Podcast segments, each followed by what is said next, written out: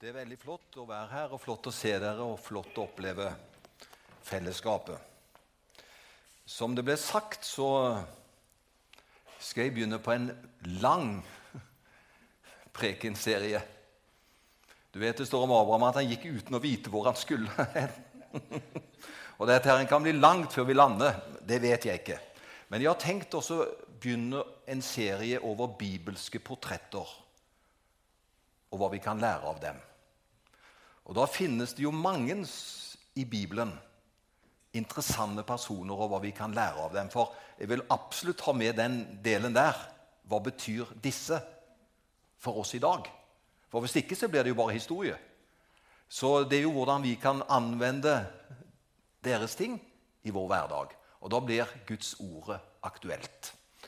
Det blir litt fra Det gamle testamentet og Det nye testamentet av disse personene. Så nå skal jeg ta to. Jeg begynner i dag med Abraham. Og så regner jeg med at eh, neste søndag da blir det Isak. Og så tar vi en person fra Det nye testamentet, for vi kan veksle litt der. For da er det presentasjon av konfirmantene, og da syns vi det er greit å ta en fra Det nye testamentet der. Så da skal Linda snakke om Johannes og hva vi kan lære av han. Og så hopper jeg neste gang tror jeg også til Det nye testamentet. For da vil jeg si hva kan vi lære av Peter? Og så går vi til Gamle testamentet igjen. Så det blir to nå GT, og så blir det litt sånn to NT. og Så, så veksler det fram og tilbake. Og så lager jeg også spørsmål til manuset, så dere kan ha disse i disse bibelgruppene eller husgruppene. Så det er Abraham og hva vi kan lære av ham. Jeg syns Abraham han er en fantastisk person. Han er kalt for de troendes far. Så det er klart at han må jo ha betydning, veldig betydning for oss. For slik som Abraham levde og vandret, det er jo på en måte eksempler hvordan vi kan ta det inn i vårt liv, da han er som sagt kalt for de troendes far. Og så var, var det jo dristig historien om han. De elleve første kapitlene i Første Mosebok tar egentlig for seg skaperakten og det vi kaller for urhistorien. Liksom Den første historien går til og med kapittel 11 i Første Mosebok. Og fra kapittel 12 så kommer Abraham inn med full tyngde. Så det er tidlig i historien. Eh, han var jo dristig. vet du. Gud kalte han, og så står det at han måtte forlate alt, og så gikk han. Jeg lurer på hvordan det hadde fungert i dag.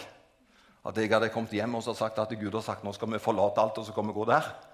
Hva hadde kona sagt da? Hva hadde kona di sagt? Eller ikke sant, når vi kommer med dramatisk, Men det, det var så dramatisk at Abraham fikk kall, og familien måtte fylle på. Det er litt annerledes i dag, men, eh, men, slik var det. Og det er en sånn troisk historie hvordan vi ser det er jo dramatiske ting som skjer. Men han vandret i tro, og vi kan lære en del av han.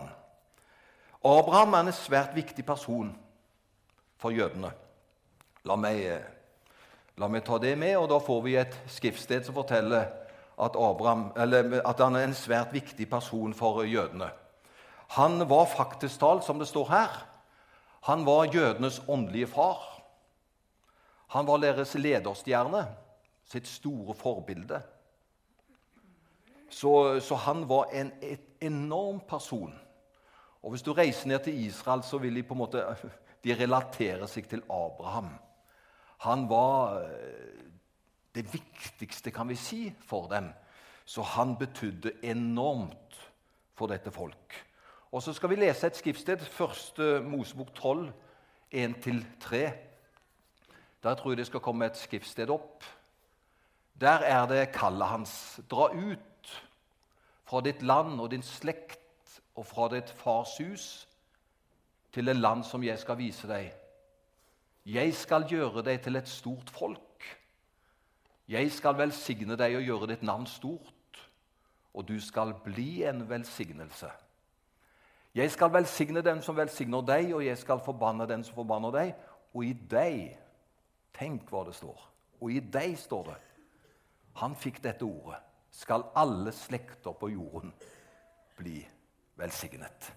Og Jeg skal komme litt inn på hvordan jeg ser det betyr for oss i dag. Men det var enorme løfter. Tenk å få en slik hilsen over sitt liv, så de tre første versene i første Mosebok kapittel 12. Eh, det var, et, et, et, det var, jo en bevegelse i det ukjente. Han fikk bare beskjed om å forlate landet sitt, og så skulle han dra inn til et område hvor Gud skulle gi han. Og alt det som lå foran, var jo helt ukjent. Han hadde aldri vært der før. Og La meg bare si det når Gud utfordrer oss på en trosreise, så må du regne med det er en reise som du ikke har gjort på den måten før. Ellers var det ingen trosreise. Hvis det var en kjentmannsreise, så var det jo veldig enkelt. Men det er ikke en sånn reise det er snakk om. Det er at Gud utfordrer oss til å gjøre noe som vi ikke har gjort før. Og Da skjønner vi det kan butte imot.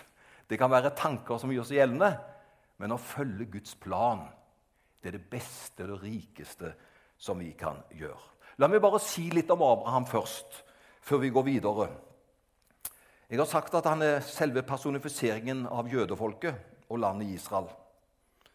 Og slik som Abrahams velsignelse er for jødene, er Abrahams velsignelse også hedningefolkene til del gjennom Jesus Kristus. Så Jesus Kristus er på en måte, han tok imot stafettpinnen for å bruke bildet fra Abraham, og så gav Jesus Kristus den velsignelsen videre til alle nasjoner og til alle folk. Og så skulle alle folk bli velsignet gjennom Abraham, og det ble oppfylt gjennom Jesus Kristus. Ikke sant? Fordi han tok stafettpinnen.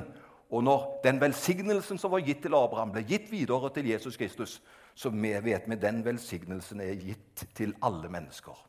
Jødene har fått en spesiell velsignelse gjennom direkte til Abraham. Men vi har fått den samme velsignelsen gjennom Jesus Kristus, og den gjelder til alle.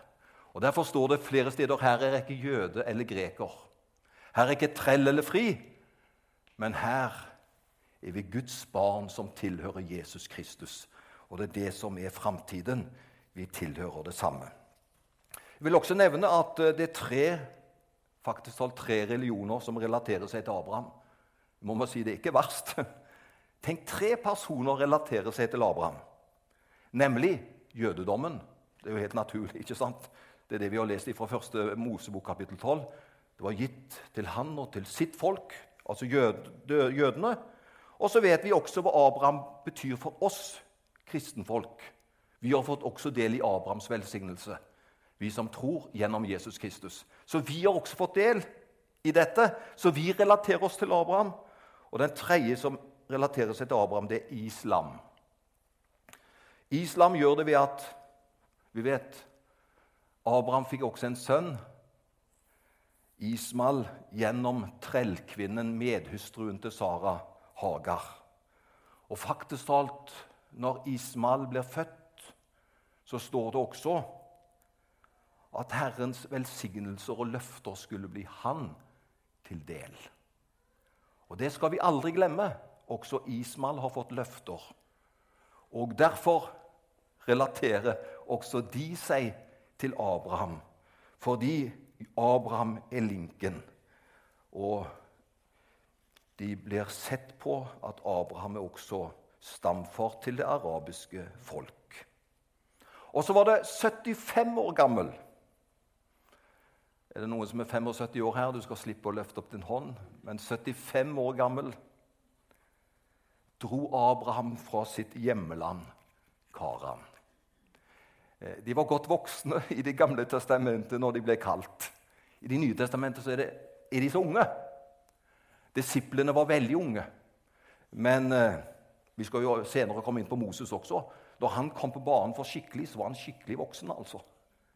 Så Abraham tenker han var 75 år gammel da han forlot sitt hjemland. Og Hebreerbrevet kapittel 11, ikke sant, troskapitlet, der står det at han dro ut i tro uten å vite hvor han skulle. Jeg syns det er tøft gjort av en 75-åring. jeg å dra fra sitt land uten å vite hvor man skulle. Da må man vandre i tro. Men det forteller litt til oss. La oss ikke ha for faste teltplugger. For Gud er en som er i bevegelse. Han kaller oss, og skal vi følge Han, så må også vi være i bevegelse. Han gikk uten å vite hvor han skulle. Og så er han kalt for de troendes far. Han måtte lære seg å leve et liv i tro. Men det er utfordrende, kjære venner, å leve i tro. For den som tror, må også lære seg å vente. Har vi ikke lært en lekse der? Den som tror, må også lære seg å vente. Tenk om vi fikk det sånt automatisk, alle ting. Vet du hva? Jeg tror ikke vi hadde tålt det. Vi hadde blitt mektig bortskjemt. Men faktisk stolt, det å vandre i tro, det er også å lære seg vi må vente. Og Gud sier noe til oss. Han former oss i den venteperioden. Det skjer noe med oss. Så det er utfordrende når vi må vente. Og så i denne venteperioden så ble det så utfordrende for Abraham. Og jeg syns med alle disse bibelske portrettene de er så menneskelige også. Du vet hva som skjedde med Abraham når det tok så lang tid? Bønnesvaret ble så seint å komme. Da står det faktisk at Abraham tok saken i egne hender. Og så gikk han inn til trellkvinnen Hagar. Han ventet så på løftetsønnen, for Gud hadde lovt han en løftesønn. Men så gikk tiden. Tiden gikk. Og noen ganger så tror vi at vi kan hjelpe Gud med bønnesvaret. Har du vært med på det noen gang? Vi hjelper Gud med bønnesvaret. Men vet du hva? Det er ingen god løsning. For det var det Abraham gjorde. Han skulle liksom hjelpe Gud. Så når det drøy så med løftesønnen, så ble han enig med Sara at han kunne gå inn. For de hadde medhustruer den til gangen. Så gikk han inn til Hagar, og så fødte han Ismael, som du kan lese om i en dramatisk, men også en rørende historie. For Hagar får høre når Guds engel kommer til henne ut i ørkenen for på rømmen, så får faktisk at Hagar gir Gud et nytt navn. Vet du hva det navnet er? Du er en Gud som ser. For har jeg virkelig fått et glimt av Han som ser meg? Er ikke det vakkert? Det var et nytt navn på Gud, og det er Hagar som gir det. Du er en Gud som ser. For jeg har virkelig fått sett Han som ser meg. Da fikk hun løftene også på sønnen sin og det som skulle skje med den slekta der. Men han tok saken, men Gud fikk han på sporet igjen, Abraham. Og så kommer det et nytt skriftsted Se, som han fikk fra første Mosebok 15,5. Se nå opp mot himmelen og tell stjernene. Om du klarer å telle dem, så sa han til ham Det er utrolig. Slik skal din ett bli. Det så jo ikke sånt ut. Og Han måtte ta saken også i egne hender. Men så kommer Gud og så taler til ham. Se nå oppover. Og du skjønner, Vi får mest mot når vi ser oppover. Og veldig bra at han så se oppover. Og på stjernene så sier Gud, 'Kan du telle de?' Nei, han kunne jo ikke det. Så sa han til ham, 'Slik skal din ett bli'. Så Abraham han fikk løfte. Men så skjer jo det at uh, både Abraham og Sara ble jo stadig eldre. Og dette her er jo helt Det går imot det må gå imot det naturlige. Vet du hvor gammel Abraham har blitt nå? 99 år. Skal si han. Det er jo sånne som nesten ikke får leve i dag ikke sant? for de er blitt så gamle. Og Sara da, hun har blitt 90 år. Det er ufattelig. Det er ikke rart at Sara lo da Abraham sa at hun skulle få barn. Skal vi få opp eh, noen bilder her nå? Det er kalt for de troendes for å leve i tro. De troende må vente. ikke sant? Og så kommer neste bilde. I det menneskelige kan det se smått ut. Han var jo blitt 99 år, og hun 90 år. Men ser du den siste setningen som står der? Ta den til deg. Gud kommer aldri for seint. Vi kan gjøre det. Og jeg vet ikke så lenge siden noen av oss kom for seint. for det hører med til det menneskelige at vi kan komme for seint. Men vet du hva? Gud er Gud. Han er guddommelig. Han er uten feil. Gud kan aldri komme for seint. Derfor har jeg bare lyst til å si til deg har Gud gitt deg løfter. Har Gud gitt deg noe du skal holde fast ved, så må du være overbevist om han kommer aldri for seint. Og han kom ikke for seint heller til Abraham, selv om han var 99 år, og hun var 90 år. Og da ser jeg for meg endelig kommer gutten, løftesønnen, som det var en veldig sånn velsignelseslinje gjennom. Så hadde de heldigvis noen gode år, mor og far, altså Abraham og Sara og lille Isak. Du kan være helt sikker på at den gutten der var til glede for mor og far. Han vokste opp ikke sant, slik som andre barn. Og vi vet som foreldre vi er så stolte og så glade over barna våre. Vi har de sammen med oss. Det var masse flotte stunder. Og Abraham kunne si det sikkert til Sara. Ja, du skjønner, Gud kommer ikke for seint. Det er fantastisk hva Gud har gjort i livet vårt. Tenk, her er skatten vår. Her er gutten, og se hvordan han vokser opp. Se hvordan han utvikler seg. Det så så bra ut. Har du merka det som Abraham ble utfordra for nå? Plutselig så kan vi se at det, det, har vært en periode hvor alt har vært så bra. Han vokser jo, han er jo så bra. Han gjør sånne fremsteg. Plutselig så får vi en utfordring i livet vårt. Og det kan være en utfordring i livet vårt som kan være mer enn det vi aner. Nå er det ingen tror jeg, som får en sånn utfordring som det Abraham fikk. Men for en utfordring han fikk! Endelig så hadde han fått løftesønnen. Han vokser opp etter glede. Og så sier Gud til ham Abraham, du skal ofre din sønn. Du skal gå opp til Moriafjellet, og der skal du ta med deg din sønn, og du skal ofre han. Og da tenker jeg Gutten må iallfall være så stor, for han visste gutten hva det dreide seg om. For gutten ser at der er veden, der er, når de kommer fram, der er offeralteret, alt er til stede. Det er bare én ting som gutten ser, for han er så stor. Han sier til sin far, 'Men hvor er offeret?' For Isak hadde vært med på mange ofringer, og han visste det må jo et lam til, det må et dyr til for at det skal skje en ofring. Og Da sier han som er kalt for de troendes far, Gud skal selv sørge for offeret. Og så vandrer de. Og da måtte Abraham oppleve sin livskamp. Det kjæreste som han hadde, blir han utfordret av Gud til å gi fra seg. Og nå kan du være helt trygg på Gud vil aldri utfordre oss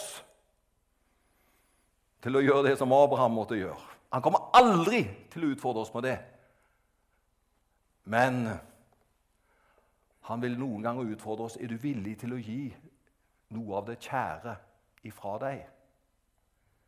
Eller skal det kunne stå imellom Gud og deg? Det er noe som vi kan bli utfordret på. Og så er Abraham, for han var villig til å ofre sin sønn, så han også peker det også på at Jesus ble ofret. Gud stoppte ofringen til Abraham, for han så han var lydig, han var villig til å gå hele veien. Og da sier Gud, når han skulle ta kniven, så sier Gud til Abraham, 'Ikke rør han, ikke gjør noe'. Og så fant Gud et annet offer. Var det ikke en geit oppi et tre? Og så fikk de ned det, så var offeret der allikevel. Og så ble det en ofring, og sønnen ble spart.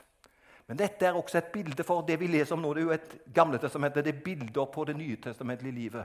Og det vi opplever i det som skjedde med, med Gud som sender sin sønn Jesus Kristus.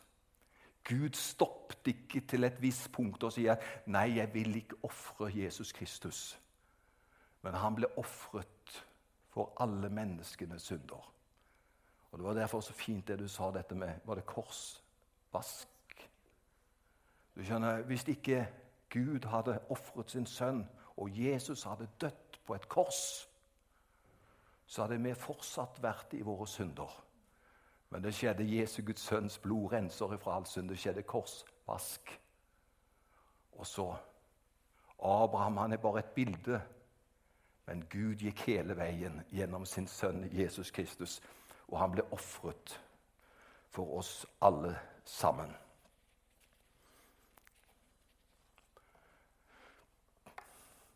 skal vi få Vi må være villige, som jeg allerede har sagt, at ikke noe skal stå mellom oss og Gud, men at vi ofrer alt til Han. Så tar vi neste bilde. Hva er å tro? Det er å stole på Guds, at Guds ord er sant, og at Guds løfter holder. For det er ikke bare Abraham som er, han er jo et bilde for oss. Han er de troendes far, men vi som tilhører Jesus Kristus og er med i denne slekten. Å tro for oss er å stole på at Guds ord er sant, og at Guds løfter holder. Og Det har jeg bare lyst til å si til deg, for det, det kommer situasjoner hvor du tenker på Kan jeg nå stole på at det er sant, det som står der? Kan jeg stole på Guds løfter? Da har jeg bare lyst til å si at Er det noe som vi kan stole på, så er det Guds ord og hans løfter. De vil aldri svikte. De står der, og vi kan stole på at Gud står bak sitt ord. Hans løfter svikter ikke. Har Gud talt til deg, så kan du stole på ham, og så kan vi takke ham for bønnesvaret. Vi hadde en liten samling her inne før gudstjenestene som bønnesamling klokken halv elleve. Og Der leste jeg fra Markus 11, vers 24. Det verset der slutter med 'Tro bare at du har fått det, så skal det vederfares deg'. Det var den gamle oversettelsen. 'Tro bare at du har fått det, så skal du få det', sier Jesus i Markus 11, 24. Nå skal du høre. Arild Edvardsen talte i kirken i Dalen over det skriftstedet. 'Tro bare at du har fått det, så skal det vederfares deg'. Og når han hadde talt, så talte han at du som har fått tro på at dine skal bli frelst Tro bare at du har fått det, så skal det videreføres deg. Så sa Arild Edvardsen, gå nå hjem og takk ham for bønnesvar. Og Så går Kari, kona til Arild, så går hun hjem. Og Så hørte hun denne talen, tro bare at du har fått det, så skal det videreføres deg. Og så sa jo Arild, vi må gå hjem og takke, da. Og så takk du for at far sin, far til Kari, skulle bli frelst. Og de hadde bedt så mye for ham. Da var far til Kari, svigerfar til Arild, han var blitt 70 år. Og De hadde bedt så lenge for han. Men de så at han tok steg for steg nærmere Guds rike. Og nå plutselig ble han med Arild på møter. Så det var en lengsel som vokste fram, for de ba for han. Og så går Kari hjem og så sier hun, nå skal jeg takke at han er blitt frelst. For gå hjem og takk for at du har fått det du har bedt han om. Og så var plutselig du, svigerfar da, til Arild, med på et møte som Arild hadde. Og Det var et herlig møte. og Så setter de seg i bilen etter møtet. Og så sier svigerfar til Arild for første gang Arild, sa han. Nå er jeg blitt frelst, sa han. Hva sier du, sa Arild. Ja, nå er jeg blitt frelst. Ja, når skjedde det? sa Arild. Vet du hva svigermor sa? Det skjedde mens du prekte. Og det syns jeg er fantastisk. Vet du hva? Tenk om vi skulle være avhengig av alterkall for at folk skulle bli frelst. Tenk om vi må sterke, klassiske, gammeldagse vekkelsesmøter for at folk skal strømme fram og bli frelst. Vet du hva? Troen kommer av det de hører. Og det må bli så sterkt, og vi skal be om at det skal bli så sterkt at de kan få se hva Jesus har gjort. Og så tar de imot det. Så kan de bli frelst under preken. Du kan bli frelst under preken her i formiddag om du ikke er det. Og du som hører på dette i efterkant, du kan bli frelst ved å høre det. Tro bare at du har fått det, så skal det vederfares deg. Og så takker vi for bønnesvar. Og så er det mange som blir frelst uten at vi kanskje er klar over det. Hvorfor det? Det ligger så mye der. Troens ord er blitt forkynt. Og så spirer det, og så vokser det, og så må vi ha tro på. Vi er jo også troendes barn, ikke sant? Vi har en tro som gjør at det vi forkynner, det skjer det noe med. Og så er vi glad for det at Abraham, som er eksempelet vårt i dag, han var, han var ikke perfekt. Det har jeg allerede nevnt. Han hadde svakheter og kunne være utålmodig. Men det er beundringsverdig at han lot seg lede av Gud. Han trodde Gud. Og Abrahams tro og tillit kan vi alle sammen lære av. Og i Kristus, halleluja, så tilhører vi troens folk. Vår kobling er Jesus Kristus. Bare les Galaterbrevet, så ser du det at eh, det er de som tror, som er kalt for Abrahams barn. Vi må ha en tro, og det er troen på Jesus Kristus. Og så har vi fått del i denne. I Kristus tilhører vi troens folk, og Gud ønsker å tale til oss. Han ønsker å tale til deg i din hverdag, slik som han talte til denne gamle mannen på 75 år. Så ønsker han å tale til oss i vår hverdag. Han vil lede oss, og vi kan stole på Gud. Og jeg må bare si det at jeg trenger mer av den guddommelige tro. Ikke en stressende tro. Ikke en tro som jeg skal prøve å pumpe opp.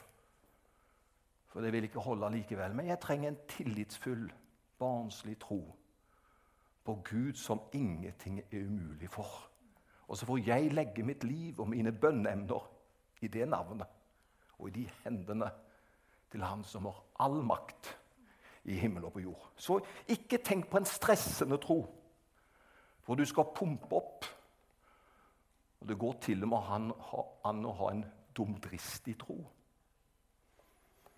De skyldte på tro, men det var ikke tro. Det var dumdristig. Og da kan det ikke skje. Her snakker vi om en ekte, gudgitt tro på Han som ingenting er mulig for. Da går det gjennom. Da har jeg sagt det jeg skal si, hvis jeg får lese det siste verset. Det kommer der. Det står i Jakobs brev, så det står om Abraham i hele Bibelen. Et flott vers.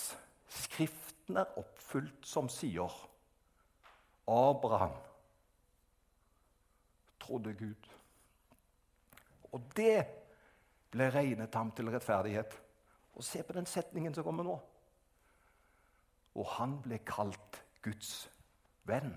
ikke det flott? Det ønsker Gud å kalle oss Guds venner. Vi tror på ham, vi legger livet vårt i hans hender. Han er med oss. Og da er det ikke noe uvennskap.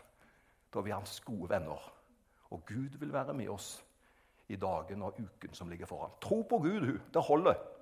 Du trenger, ikke, du trenger ikke kunne så mye og alt det der. Tro på Gud.